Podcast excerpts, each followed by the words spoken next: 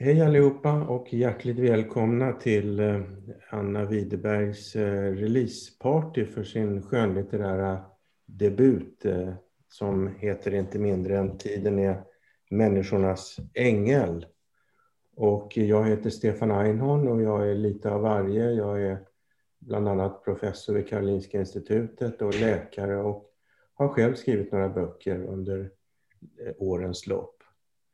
Och eh, när jag fick frågan om jag ville vara med i ett samtal med Anna så eh, tänkte jag, åh vad jobbigt om jag inte tycker att den här boken är, är bra. Hur förmedlar jag det till Anna? Ska jag säga att jag inte har tid eller ska jag säga att eh, eh hitta på någon annan anledning?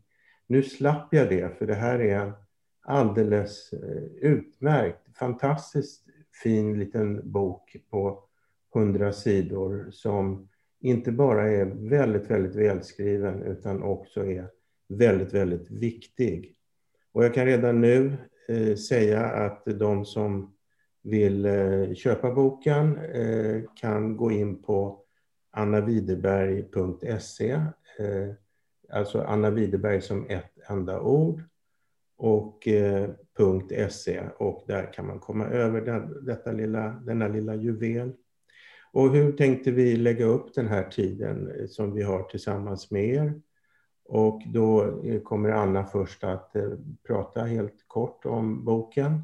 Sen ska vi ha ett litet ett samtal, Anna och jag. Och sen kommer Anna läsa lite ur boken, men inte jättemycket, bara lite, ett litet smakprov. Och sen kommer ett samtal med bokens eh, illustratör Mattias Kvick. Och jag vill nämna också att eh, för det tekniska svarar Fredrik Ydholm. och vi är mycket tacksamma för eh, Fredriks insats. Han är väldigt duktig på det han gör, kan jag nämna. Så då bollar jag över till dig, Anna, så får du chansen att berätta lite om den här boken, Tiden är människornas ängel. Varsågod. Tack så mycket. Och jag är ju naturligtvis jätteglad över att du eh, är med här och gör det här samtalet med mig. Det är så mycket värt. Ehm, den här boken, ja det var så här, alltså året var 2009 och jag var skild, jag hade halvvuxna barn, jag hade träffat en man som jag var helt övertygad om att jag skulle leva mitt liv med. Även om det inte var en enkel relation så var jag helt övertygad om det. Under det här året 2009 så hade jag också startat en blogg. Det var ganska nytt på den tiden. Eh, jag har ju då skrivit, jag har varit journalist, jag har jobbat som kommunikatör, jag är van vid att mina texter blir offentliga, men däremot är jag inte van vid att jag själv får bestämma över vad jag publicerar. Så för mig var en blogg var något helt fantastiskt. Eh, så att jag startade en, en blogg, en anon, helt anonym blogg eh, som hette Eh, med Mirandas ögon. Och den hade jag startat tidigare där, 2009. Så där befann jag mig då 2009. Jag tyckte livet var rätt eh, fint, faktiskt. Ehm, och väldigt oväntat då så händer det att den här mannen som jag tror att jag ska leva med, han tar sitt liv i augusti 2009 och jag brukar säga att det är som att, att tro att man har en karta som man ska följa och plötsligt så har man överhuvudtaget ingen karta alls. Man har ingen aning om vad som är upp eller ner eller bak eller fram. Efter den första väldigt kaotiska tiden som jag inte riktigt minns ens en gång ehm, så blev det bloggen, denna anonyma bloggen som blev min ventil. För jag är en person som inte kan tänka om jag inte får skriva. Jag förstår inte vad jag tänker om jag inte skriver.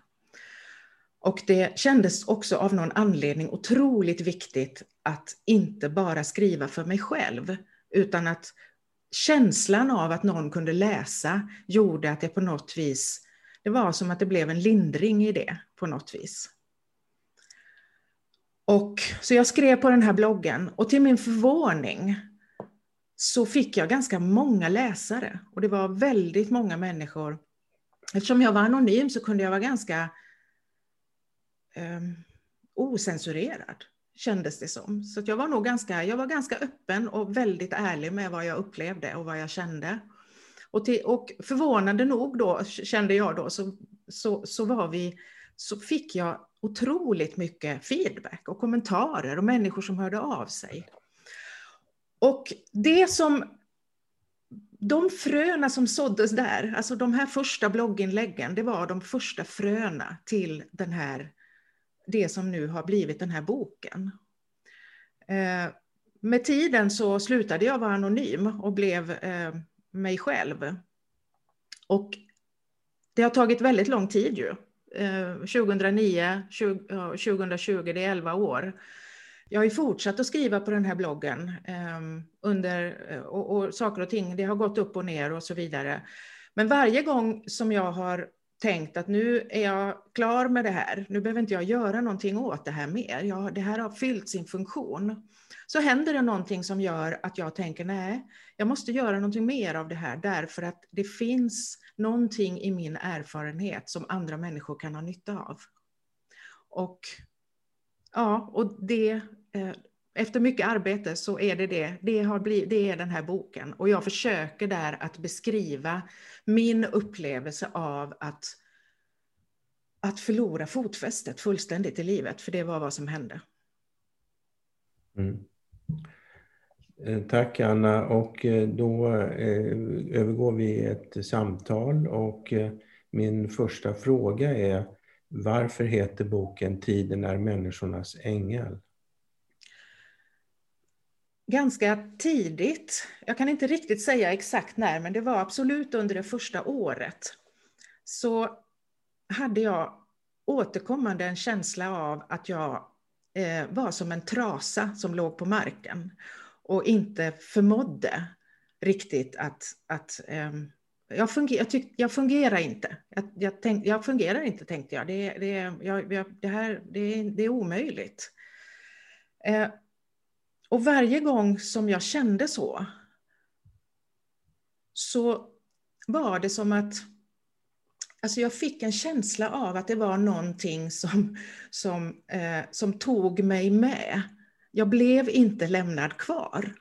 Och jag fick jättetidigt en bild som sen har följt med mig av en varelse, en stor varelse med en, en sopkvast som liksom sopar mig med. Jag ligger där som en trasa på marken och det kommer en varelse och liksom sopar med mig, säger okej okay, jag fattar, du orkar inte, du kan inte, men jag, du får följa med här för du kan inte stanna, för tiden går. Och eh, livet fortsätter.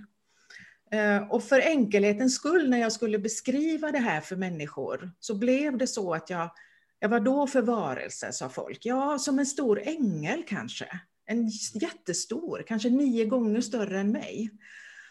Ehm, så den där titeln, långt, långt, långt innan jag hade ens tanken på att det här skulle bli en bok, så fanns den här meningen hos mig, liksom, att tiden är människornas ängel. Det här låter lite, meta, eller ganska mycket metafysiskt. Jag, jag går rakt på sak och frågar dig, har du en gudstro? Har du en tro på det andliga? Mm, det där är en fruktansvärt svår fråga, tycker jag. Um, ja, för det beror på vad man menar med Gud och vad man menar med tro och vad man menar. Men ja, jag, är, jag, alltså, jag kan säga så här, de här tio åren har gett, gjort mig helt övertygad om att det finns, eh, det finns företeelser och eh, ja, jag vet inte vad jag ska kalla det för, krafter eller det finns saker som, som sker med en och som man inte som inte är medvetna, som jag aldrig hade kunnat tänka fram eller vilja fram, men som ändå sker. Mm. Jag har ju själv brottats med den här frågan. Min första bok heter ju En dold gud och eh, jag har varit i mitt liv eh, ateist, jag har varit troende och numera är jag agnostiker, det vill säga jag håller frågan öppen om det finns en eh, högre mening och en Gud och, en, eh, och ett liv efter detta. Mm. Så jag har en, en, stor förståelse för att man kan, att man, jag tycker man ska brottas med de här frågorna för att det ger livet ett djup och vi på något sätt i vårt sekulära land så har vi tappat den här tillåtelsen att fundera över de här frågorna. De har blivit tabu. Mm.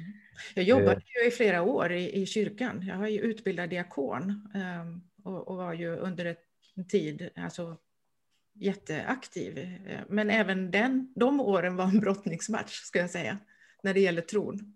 Okej, okay. mm. då frågar jag naturligtvis, tror du att Jesus är Guds son och eh, att, eh, tror du på den kristna eh, teologin? Inte som historiska händelser, nej det gör jag inte. Jag tror på det som, jag tror nog på det skulle jag säga som någon form av, av eh, eh, berättelser som har någonting att säga eh, och som inte alltid är fullständigt glasklart vad det är de vill ha, vad, alltså vad man vill ha sagt med det.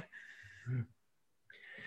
Låt oss gå vidare och eh, det, du beskriver ju i den här fantastiska boken en process där du mer eller mindre sitter fast år ut och år in och känner dig naturligtvis oerhört frustrerad över att inte komma vidare. Och du känner säkert till begreppet defektläkt sorgereaktion. Och eh, det betyder alltså att man helt enkelt inte kommer vidare i sorgearbetet utan man fastnar på en nivå. Och då frågar jag dig så här, var det det som hände dig? Eh, att du fick en defektläkt sorgereaktion? Vad säger du själv? Mm, jag har funderat på det själv och jag vet faktiskt inte. Men det fanns ju, och det beskriver jag i boken, en del försvårande omständigheter som hade att göra med att, ehm, eh, att jag, jag blev utestängd från vissa delar av det som skedde efter, efter det, här självmordet, efter den här döden. Det blev, det, var, det blev bökigt, så att säga, med allting som, alla beslut som fattades efteråt. Och eh, jag fick inte riktigt vara del i det. Och det tror jag var... Eh, det, det, det gjorde det svårt för mig och det tror jag var, jo, ja, det gjorde att, att till viss del så tror jag att, att jag hade svårt för att gå vidare för att jag kände att jag, eh, jag, hade, jag, hade inte, jag kunde inte göra det jag vill, hade velat göra helt enkelt när det gällde eh, alltså, grav och, och begravning och grav och gravsättning och alltihopa det här. Och det tror jag gjorde att, jag, att det blev svårt. Sen har jag tänkt efteråt, för att Eh, det tog ju, det är precis som du säger, det tog väldigt lång tid och jag satt på sätt och vis fast. Ehm, och jag vet väldigt väl därför att, jag, minns det väldigt väl att det var just 2015 därför att eh, det var sen som, som eh, vi började jobba med, med en, en, film då, en dokumentärfilm som jag har jobbat med mycket. Men alltså 2015, då hade det gått över fem år och då hade jag, jag minns att jag då hade jag tänkte så här att okej, okay, eh, så här är mitt liv nu. Det, är så här, det, det var så här det blev. Jag, är, eh, jag fungerar rätt bra. Eh, och jag, jag, lever och jag gör saker. Och jag, ehm, jag, jag, kanske, jag var aldrig riktigt jätteledsen och aldrig riktigt jätteglad. Eh, men jag fungerade och jag tänkte fine, då är det så här det får vara. Och jag minns att jag tänkte så väldigt tydligt, va? att ja, det här var inte, var inte så roligt, men är det så här det ska vara så är det så här det ska vara. Jag har åtminstone överlevt. Liksom. Och då trodde jag på något vis att jag hade kommit, jag var färdig. Så. Och sen händer det ju någonting med mig när jag då hör en Ted Gärdestad-låt. Där jag plötsligt känner hur jag från ena stunden till den andra faktiskt börjar leva och jag känner det i hela min kropp. Eh, och det är, ett, det, är liksom ett, det är ett ögonblick som jag aldrig i hela mitt liv kommer att glömma. Det känns, kändes, jag kan återkalla känslan än idag. Det var som att bli på nytt född. Alltså, det mm. låter fånigt, men så, så var det. Det var verkligen så. En frälsningsupplevelse om jag förstår det rätt. Nej, jag, ja, det, jag vet, nej jag skulle inte vilja kalla det så. Det, det, var, en, det var kärlek. Alltså jag upptäckte att det fanns kärlek.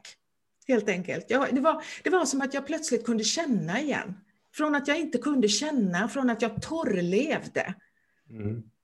Då kunde jag känna. Jag förstår. Eller jag förstår ska man aldrig säga för att det är omöjligt att förstå en eh, människa helt och fullt. Men jag eh, tycker att det du beskriver låter väldigt eh, naturligt och eh, ovanligt samtidigt. För att eh, det är ju så här att sådana upplevelser kan, eh, kan förändra en person. Då undrar jag så här lite, lite vagt, tycker du att det som hände 2015 förändrade dig? Ja, det gjorde det, men jag ser det nog inte riktigt som en isolerad händelse, utan jag ser det liksom som en del i alltihopa. Ifrån liksom 2009 och framåt så kan jag se att hela den perioden eh, har eh, förändrat mig jättemycket som människa. Väldigt mycket skulle jag säga. Jag brukar säga att tre saker kan hända en människa som drabbas av ett livstrauma. Det ena är att man bryts ner av det, det andra är att man skakar av sig det och går vidare med sitt liv. Och det tredje är att man eh, mognar som individ och eh, eh att tillvaron får ett större djup. Och eh, jag eh, säger inget mer utan jag går vidare till nästa fråga som är eh, det som hände med eh, självmordet var ju en, man kan säga, eh, det, det var något, det är svårt att finna mening i att någon tar sitt liv. Är boken ett försök från din sida att skapa någon form av mening i det meningslösa? Mm. Det, det kan det kanske vara. Men jag tror inte att det är riktigt, det är nog in, inte medvetet tror jag, men kanske, kanske lite omedvetet eller undermedvetet att det är så. För, för eftersom, som jag sa i början då, så är det ju så att och, och, det här har jag inte riktigt fattat faktiskt om mig själv förrän nu på, på sistone, att jag inte Anledningen till att jag skriver, som jag sa innan, är att jag inte kan tänka utan att skriva. Jag fattar inte vad jag själv tänker om jag inte skriver. För det är först när jag läser det jag skriver som jag förstår vad jag tänker. Och på det viset kan det väl kanske vara så att för att, för att, gör, för att sortera det här, för att liksom få någon form av Alltså jag tänker kanske återskapa någon form av karta kanske, jag vet inte. Ehm, eller skapa en ny karta så, så blir ju alltså den här boken, det finns ju tusen saker i den här boken som jag har förstått därför att jag har skrivit den.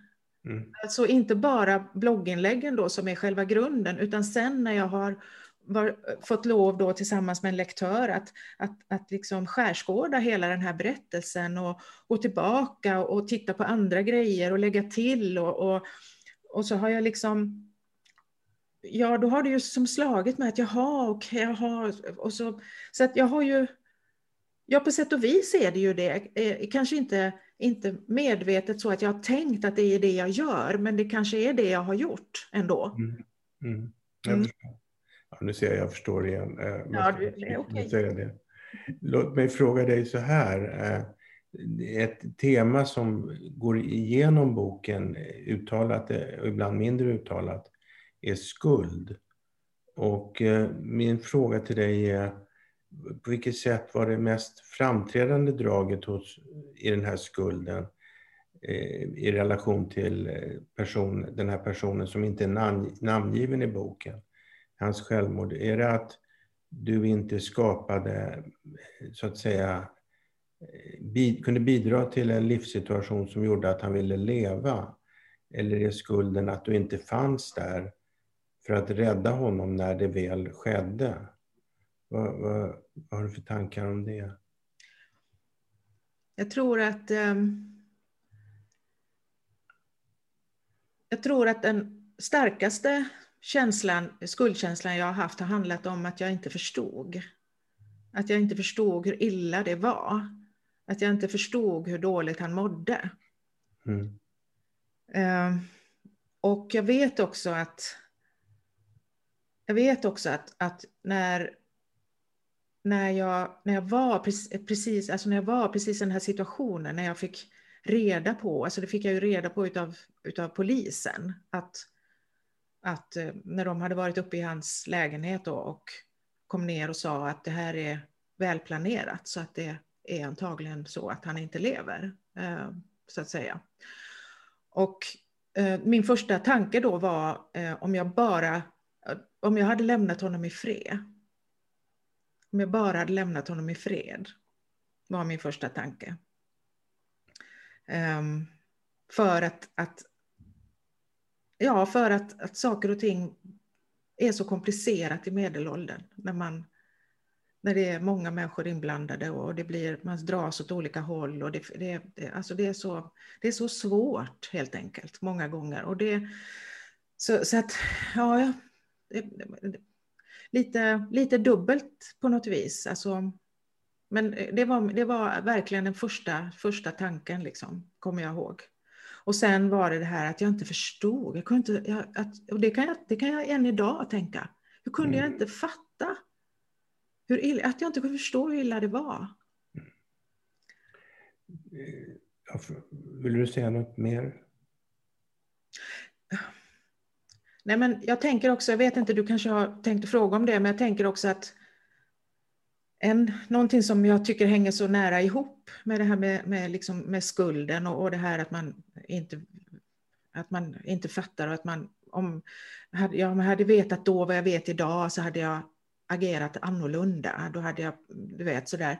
Men, men sen är det ju också den här otroliga skamkänslan av att, av att bli, alltså det är det värsta sättet att bli lämnad på. Mm. Alltså vad, vad, vad, vad för hemsk människa måste jag inte vara för att bli lämnad på det här sättet? Mm. Eh, det är väldigt vanligt, som du säkert känner till, att människor som blir lämnade kvar efter att någon har tagit sitt liv känner skuldkänslor. Och en annan väldigt vanlig eh, känsla är ju att man är förbannad. Man är arg på den som tog sitt liv. Hur var det för dig? Mm, fast det tog väldigt lång tid innan jag blev arg. Jag tror det tog flera år. Och det var många som frågade mig då, är du inte arg? Och då kände jag inte att jag var det. Jag kände inte att jag var arg. Mm.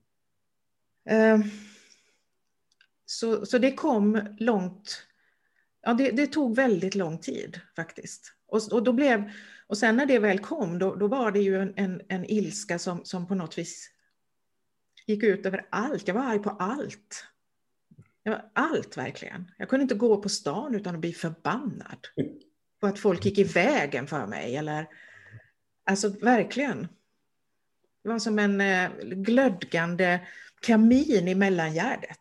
Verkligen. Jag var så fruktansvärt förbannad på allting. Jag hoppas att den känslan inte kvarstår. Nej, den är borta. Då skulle du vara arg på mig också. Nej, jag är absolut inte arg nu. jag har själv skrivit en bok om min eh, pappa eh, som heter just Pappan. Och den boken är en mellanting mellan fantasi och verklighet. Och jag grubblade väldigt mycket innan jag skrev den boken för att eh, han, han är ju eh, avliden, min pappa, sedan 20 år tillbaks. Ja, då var det 16 år när den här boken kom. Och jag grubblade mycket över på vilket sätt, eh, vad ska jag berätta och vad ska jag inte berätta? På vilket sätt utlämnar jag honom? Och eh, hur ärlig ska jag vara och eh, hur mycket ska jag skydda honom? Och jag undrar, har, har, du funderat mycket i de banorna när det handlar om den här boken? I mitt fall var det ju, visste ju alla, eller många, vem min pappa var. I, I det här fallet så är han anonymiserad, men har du funderat mycket på det? Ja, väldigt mycket. väldigt, väldigt mycket. Och att, att ge ut den här boken har inte på något vis varit självklart. Jag har eh, säkert tio gånger från det att jag första gången så att säga jag fick ett, ett kulturstipendium av Västerås stad 2013 för mina, ett, ett urval av de här blogginläggen. Och det var nog första gången jag började fundera på att jag kanske skulle göra någonting av det här. Och, och, det är ju nu då sju år sedan. Och under de sju åren har jag minst tio gånger, säkert fler, bestämt att nej, det blir, jag kommer, nej, det blir inget. Jag kan inte. Det är för svårt. Eh, jag vet inte hur jag ska bära mig åt för att jag inte ska um, hänga ut eller för att det inte ska bli för, uh, för personligt och för privat, både när det gäller mig och min familj och när det gäller honom som jag inte heller kan ju be om lov. Jag kan ju inte be om hans tillåtelse. Um, och, och, anledningen till att jag ändå har bestämde mig till slut för att ge ut boken, det var ju för att jag gång på gång på gång fick den här feedbacken tillbaka att människor upplevde att de hade hjälp av min erfarenhet och det jag skrev. Mm. Och så det jag har gjort då istället är ju att jag har vägt varje ord och varje mening så otroligt noga och gått igenom det igen och igen och igen. Vad kan jag berätta och vad kan jag inte berätta? Och, för, och, och, ja, det har varit, och det är ju därför det har tagit så lång tid förstås. Och jag har resonerat med jättemånga människor som jag litar på. Eh, har du gjort avkall på sanningen då i, i, i med den här processen? Är, har det blivit en mer, jag säger inte att det är fel, men har det blivit en mer skönlitterär bok än en beskrivning av verkligheten?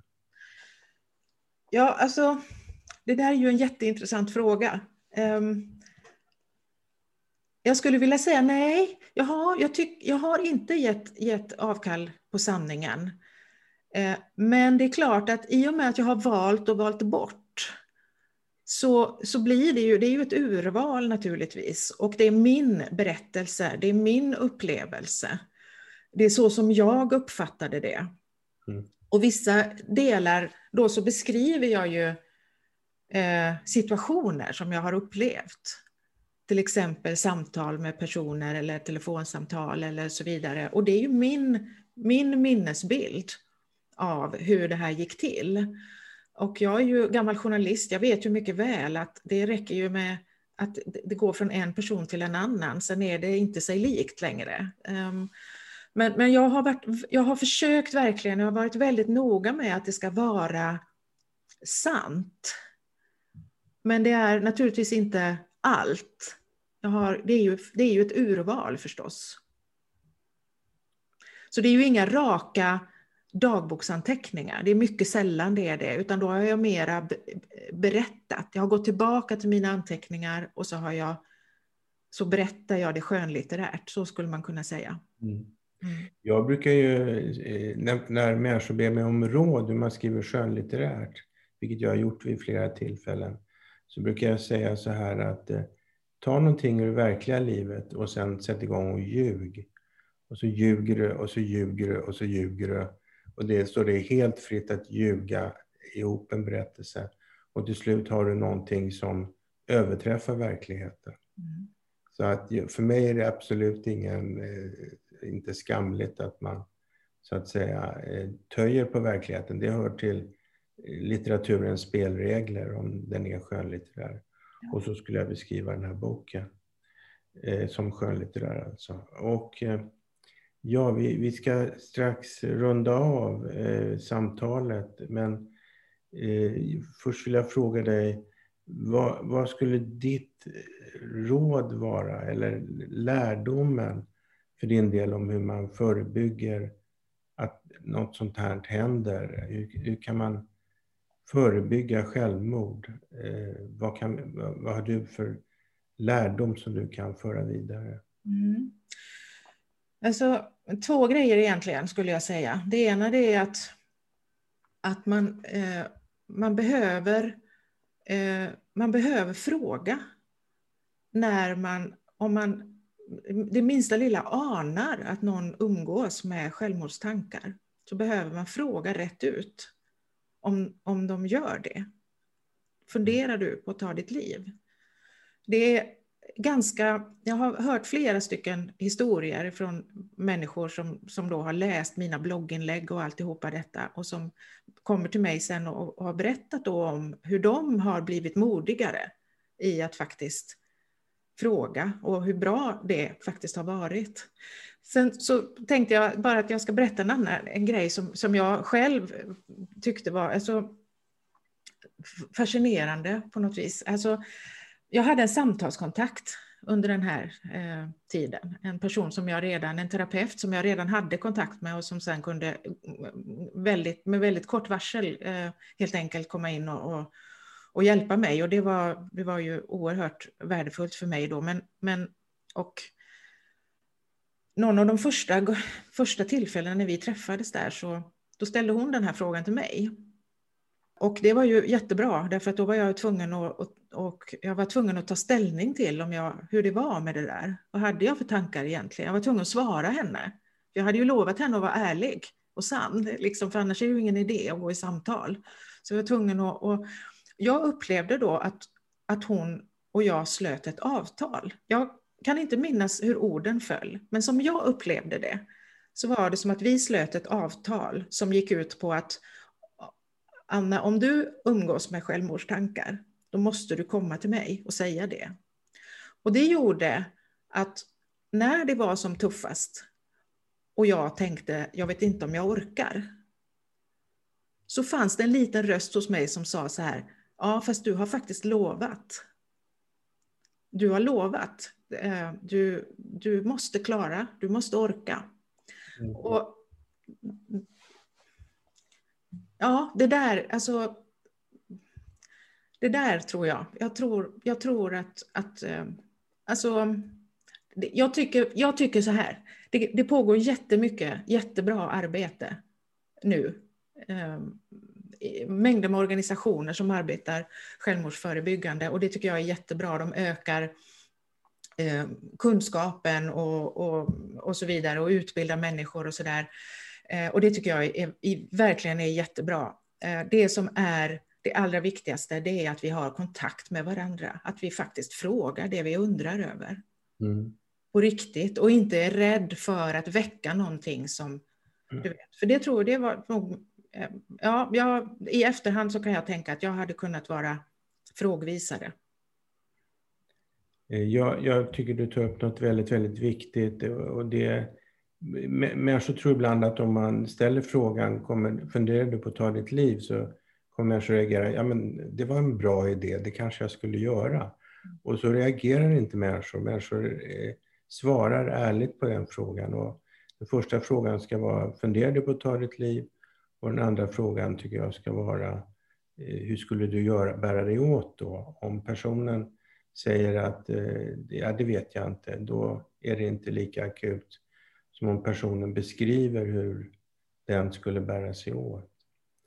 Eh, sen eh, är det väldigt, väldigt viktigt som du är inne på att man knyter upp de människorna med, ett löfte att innan du gör det måste du kontakta mig.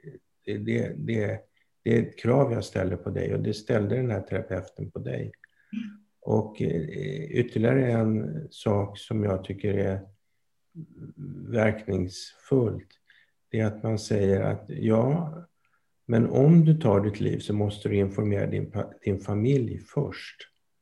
Du kan inte lämna dem i sticket. Du kan inte lämna ett självmordsbrev. Du kan inte eh, så att säga ta, ta ifrån dig själv ansvaret att berätta det här hemska som kommer att drabba dem. Så innan du gör det så måste du berätta det för din familj. Och det är också ett, ett eh, bra sätt att få människor att konfronteras med det de ska göra eller planerar att göra.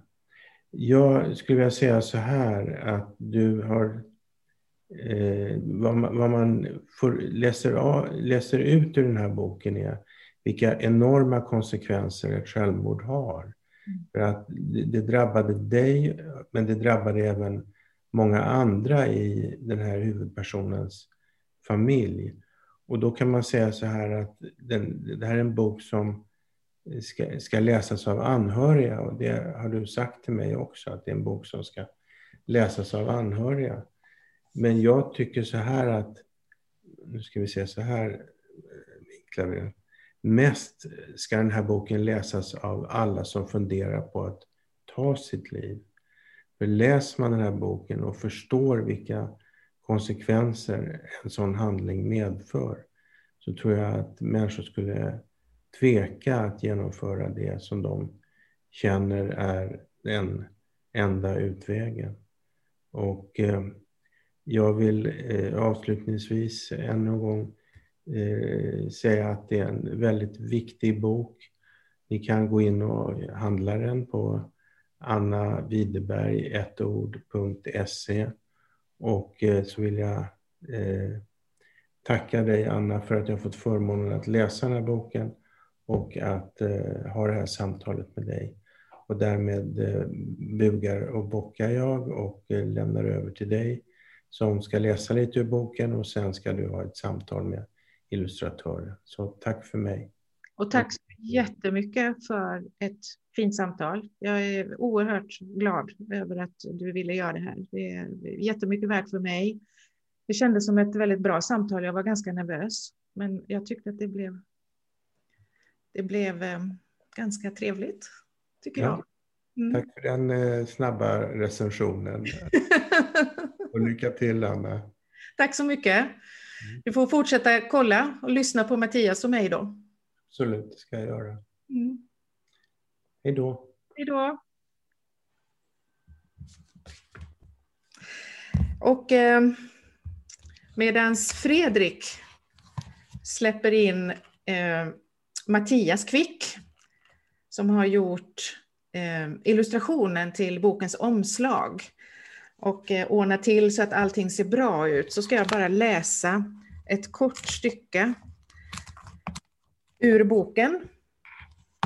Och då är vi faktiskt på kapitel 6 och jag har, jag jobbar och jag eh, går hos min samtalsterapeut och jag eh, försöker att hantera livet. Ehm, och då är det, och jag kallar då min samtalsterapeut i den här boken för Iris. Jag försöker förklara för Iris hur jobbet håller mig på plats som om jag vore ett skelett i ett gammalt materiellrum i, i den sortens skola som kanske inte finns längre. Varje ben i skelettet fogat till nästa ben med hjälp av små krokar och öglor.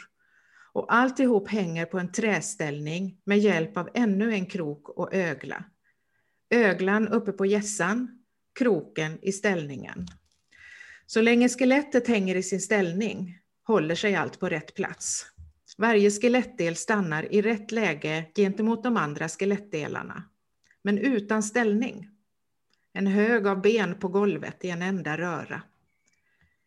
Jag måste jobba, annars hamnar allting i en enda röra. Men jag är så trött. Allt tas ifrån mig, så jag döstädar.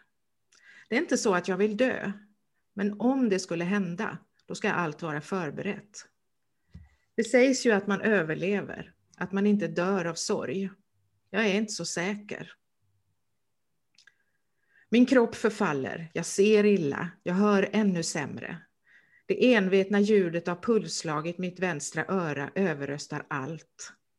Efter varje arbetsdag faller jag ner i soffan med våldsam hjärtklappning. Efter vart tionde hjärtslag knyter sig hjärtat till kramp en lång stund och sen kadang öppnar sig muskeln och släpper ut blod i artärerna. Varje gång tror jag att blodet ska spruta ut mellan revbenen och ner på golvet. Och jag tänker att kanske kommer den dagen då krampen inte släpper. Då dör jag. Eller när det framforsande blodet faktiskt gör sönder allt i min kropp. Då dör jag. Och då måste allt vara klart. Alla bilder klistrade på rätt plats i rätt album. Små lappar med namn bak på de viktiga tavlorna. En tydlig instruktion för räkningarna och lånen. Alla lösenord till rätt person. Sådana saker. Jag döstädar och det ger mig någon slags tillfällig lindring. Kanske skulle allt bli lättare om jag kunde sluta tänka på hur det kunde ha blivit. För det vet jag ju ingenting om. Jag vidhåller envist att vi hörde ihop och att det skulle ha förblivit så och därför är jag ensam nu. På det viset blir hela min tillvaro präglad av brist. Men om man betraktar varje dag som en egen helhet kan dagen inte slås sönder av något som inte längre finns. Jag kan inte tvinga dig att dö varje dag, igen och igen. Till slut måste den dagen komma då jag vaknar och vet. Du är död. Jag lever. Du valde bort den här dagen, men jag har den kvar.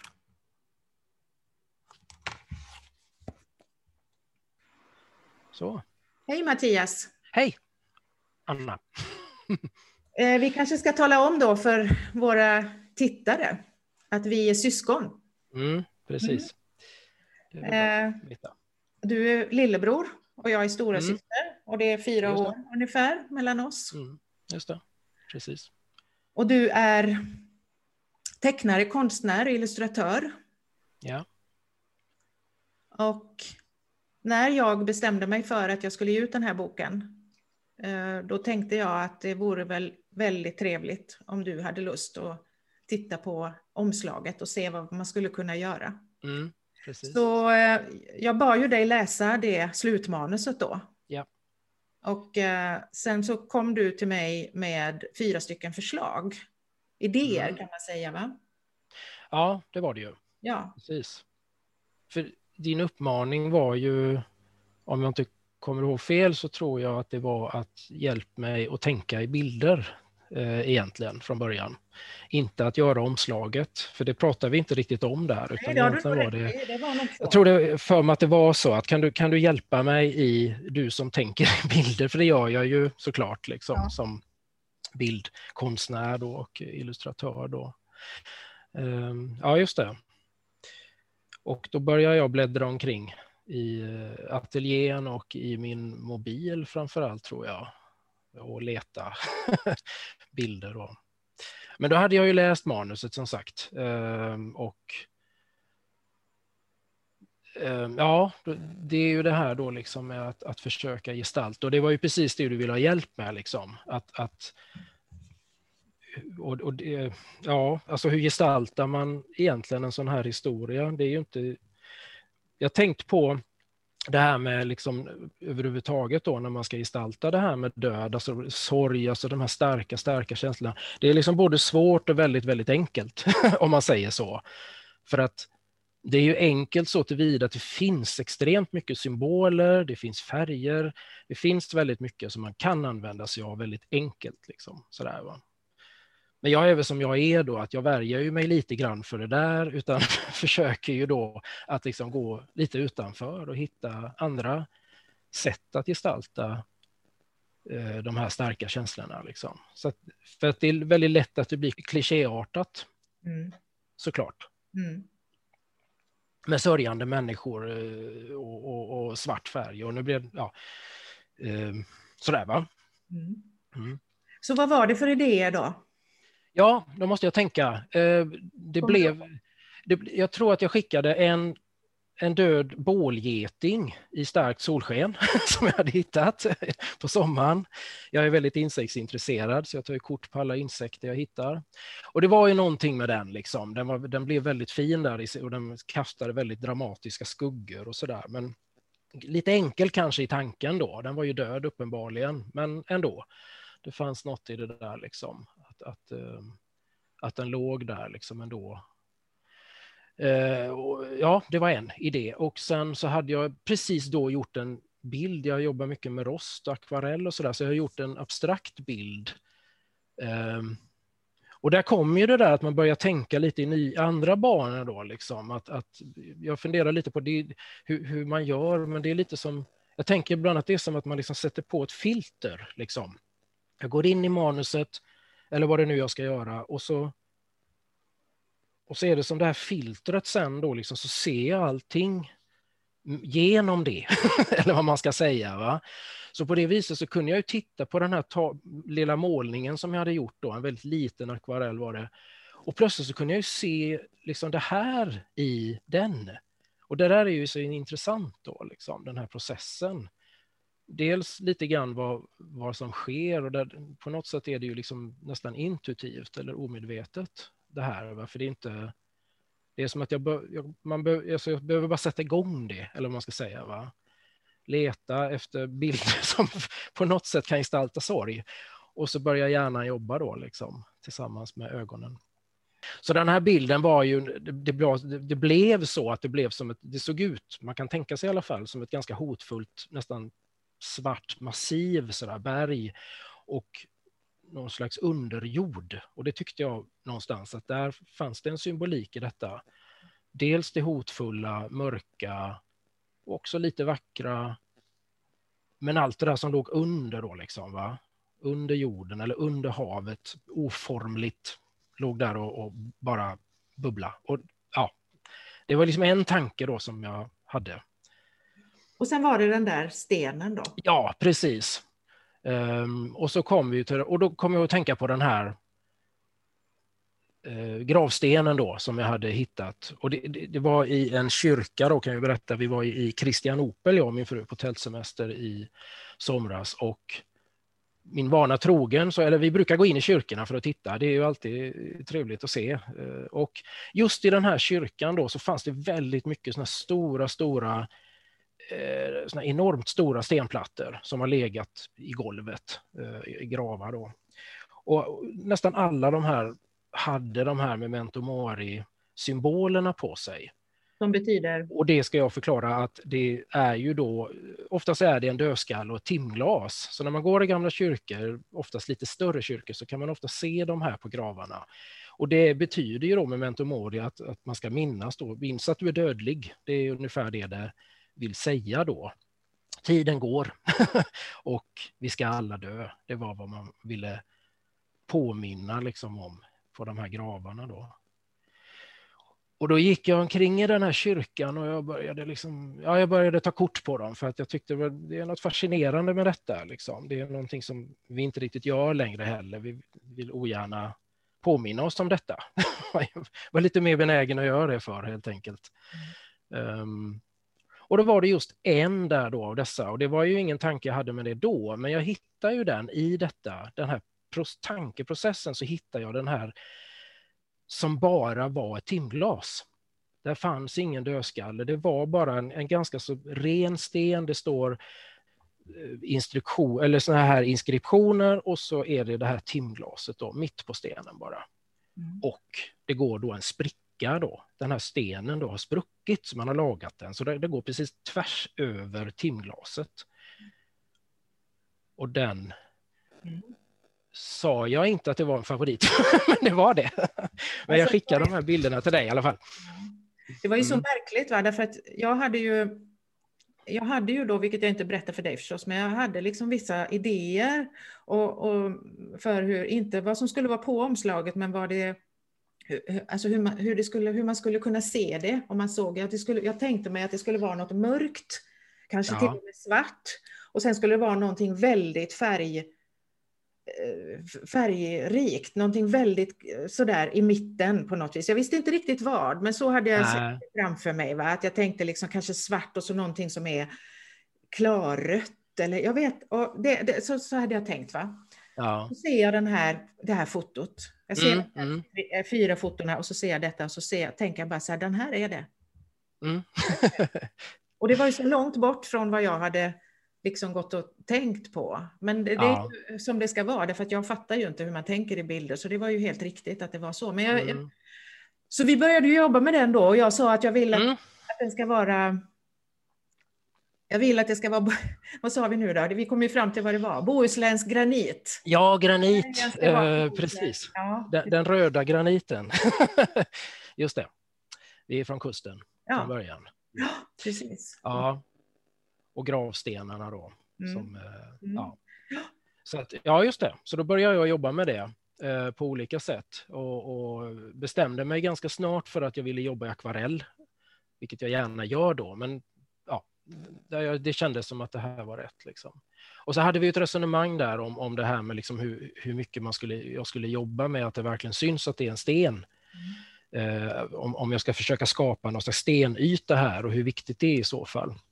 Men det var ju en tanke som vi övergav då till förmån för det som jag då tycker är så häftigt med akvarellen, just att liksom låta den här få flöda och, och utnyttja då hela akvarellens liksom potential, eller vad man ska säga då. Va?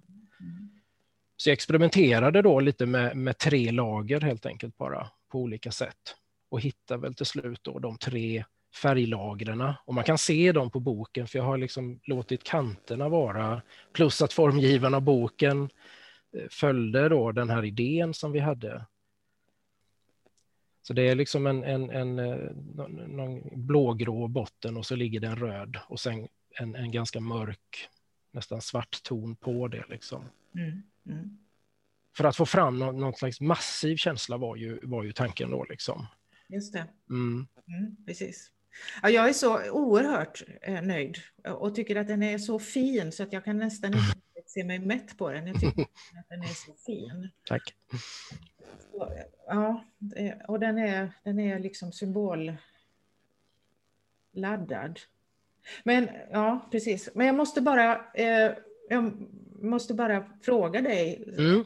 För att du, har ju, du var ju med. Du, har ju, du, var ju, du var ju hälsa på mig första helgen nästan. Mm, det var jag. Ja, precis.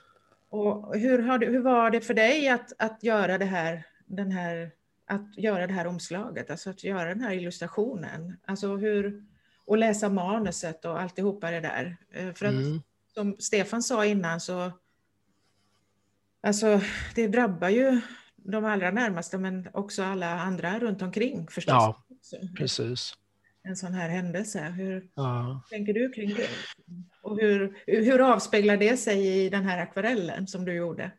Ja, det, det kan man, ja precis. Ja, eh, alltså, alltså att, att, läsa manuset var ju naturligtvis, ja det var jättetungt alltså, verkligen. Jag tyckte det var, jag tyckte jättemycket om det, men det var väldigt, väldigt tungt. Det var, det var liksom en process att gå igenom det här manuset faktiskt, eh, för mig. Men det är ju, och det är ju klart, jag menar, jag var med, jag var ju hos dig där och jag var ju även med sen vid ett annat, fler tillfällen liksom i, i den här processen där. Så att, och, och, och, den här kontakten som vi hade haft liksom. Men det var ju ändå naturligtvis väldigt, alltså det är svårt för mig att föreställa mig hur det skulle vara att läsa den här boken och inte ha en nära relation till dig som är författare, men nu har ju jag det. och det var lite som, som Stefan sa, att man ska aldrig säga att man förstår, för det gör man ju aldrig riktigt. Alltså jag har ju haft någon slags förståelse för dig under hela den här processen liksom, och försökt på något sätt att följa och försöka förstå var du befinner dig och vad som händer. Men det är klart att man inte kan till fullo göra det alltid. Vi bor dessutom långt ifrån varandra. Men det var, ja, så det, det var det, det, var ju verkligen att gå in i din sorgeprocess helt enkelt. Jag, jag gick igenom den liksom. Under, under, jag fick läsa den i sjok liksom, så under någon veckas tid där så levde jag lite grann i din sorgeprocess kan man säga. Liksom. Väldigt starkt liksom. Och det är klart att sen så det avspeglar ju sig säkert då liksom i det här arbetet med att jag ska försöka hitta bilder till detta då liksom men där upplever jag ju sällan, alltså det, det är som jag säger, det sker nästan liksom omedvetet då på något sätt. Att allt det där åker ju med liksom bara i för jag, jag, vet inte hur jag ska förklara det, men det är som att det är något annat där då som kopplas på. liksom. Mm. Ja. Det är det där, alltså det, det är ju det där, det kanske är som när jag, jag försökte ju förklara för Stefan här att jag kan inte tänka mm. utan att skriva. Alltså det, det. Jag kan inte, ja. jag, medvetet tänka på svår, alltså, så fort det blir lite mer komplicerat tänkande så, ja, ja. så kan jag inte, jag kan inte hålla det i huvudet på något vis, utan jag måste liksom skriva det för att jag ska förstå vad det är jag tänker. Och det är ju mm. någon slags, nästan som en omedveten process. Liksom. Ja, jag upplever det väldigt mycket så. Ja, och då tänker jag det kanske är samma sak. Det kanske är det du Mm. skriva också. Att det är liksom det som sker, det är inte, du kan inte, det är inte, det är inte framtänkt utan det är framskapat på något vis. Mm, exakt. Eller? Ja, För, ja, jo, precis. Jag, för att jag upplever det väldigt mycket så. Det, det, alltså det, Det- är intuitivt på något konstigt sätt. Liksom, va? så det är inte Så att så jag menar, jag, tänker nu ska jag göra den här symbolen för den är en bra symbol för det här. Utan, utan nej, precis. Bara- för att jag tänker... Ja, ursäkta? nej, men eh, fortsätt. Ja, nej, jag tänk, precis som jag sa där i början, där, liksom att, för att jag, jag tänker, eller det är väl det jag är lite rädd för att om, om jag gör det så kommer jag bara fastna i någonting som blir ganska platt. Liksom. Då blir det en ganska så generell, vanlig symbol. Det är ungefär som det här med att gestalta kärlek. Det är precis samma sak. Det är väldigt, väldigt svårt att göra det på ett sätt som inte blir väldigt platt.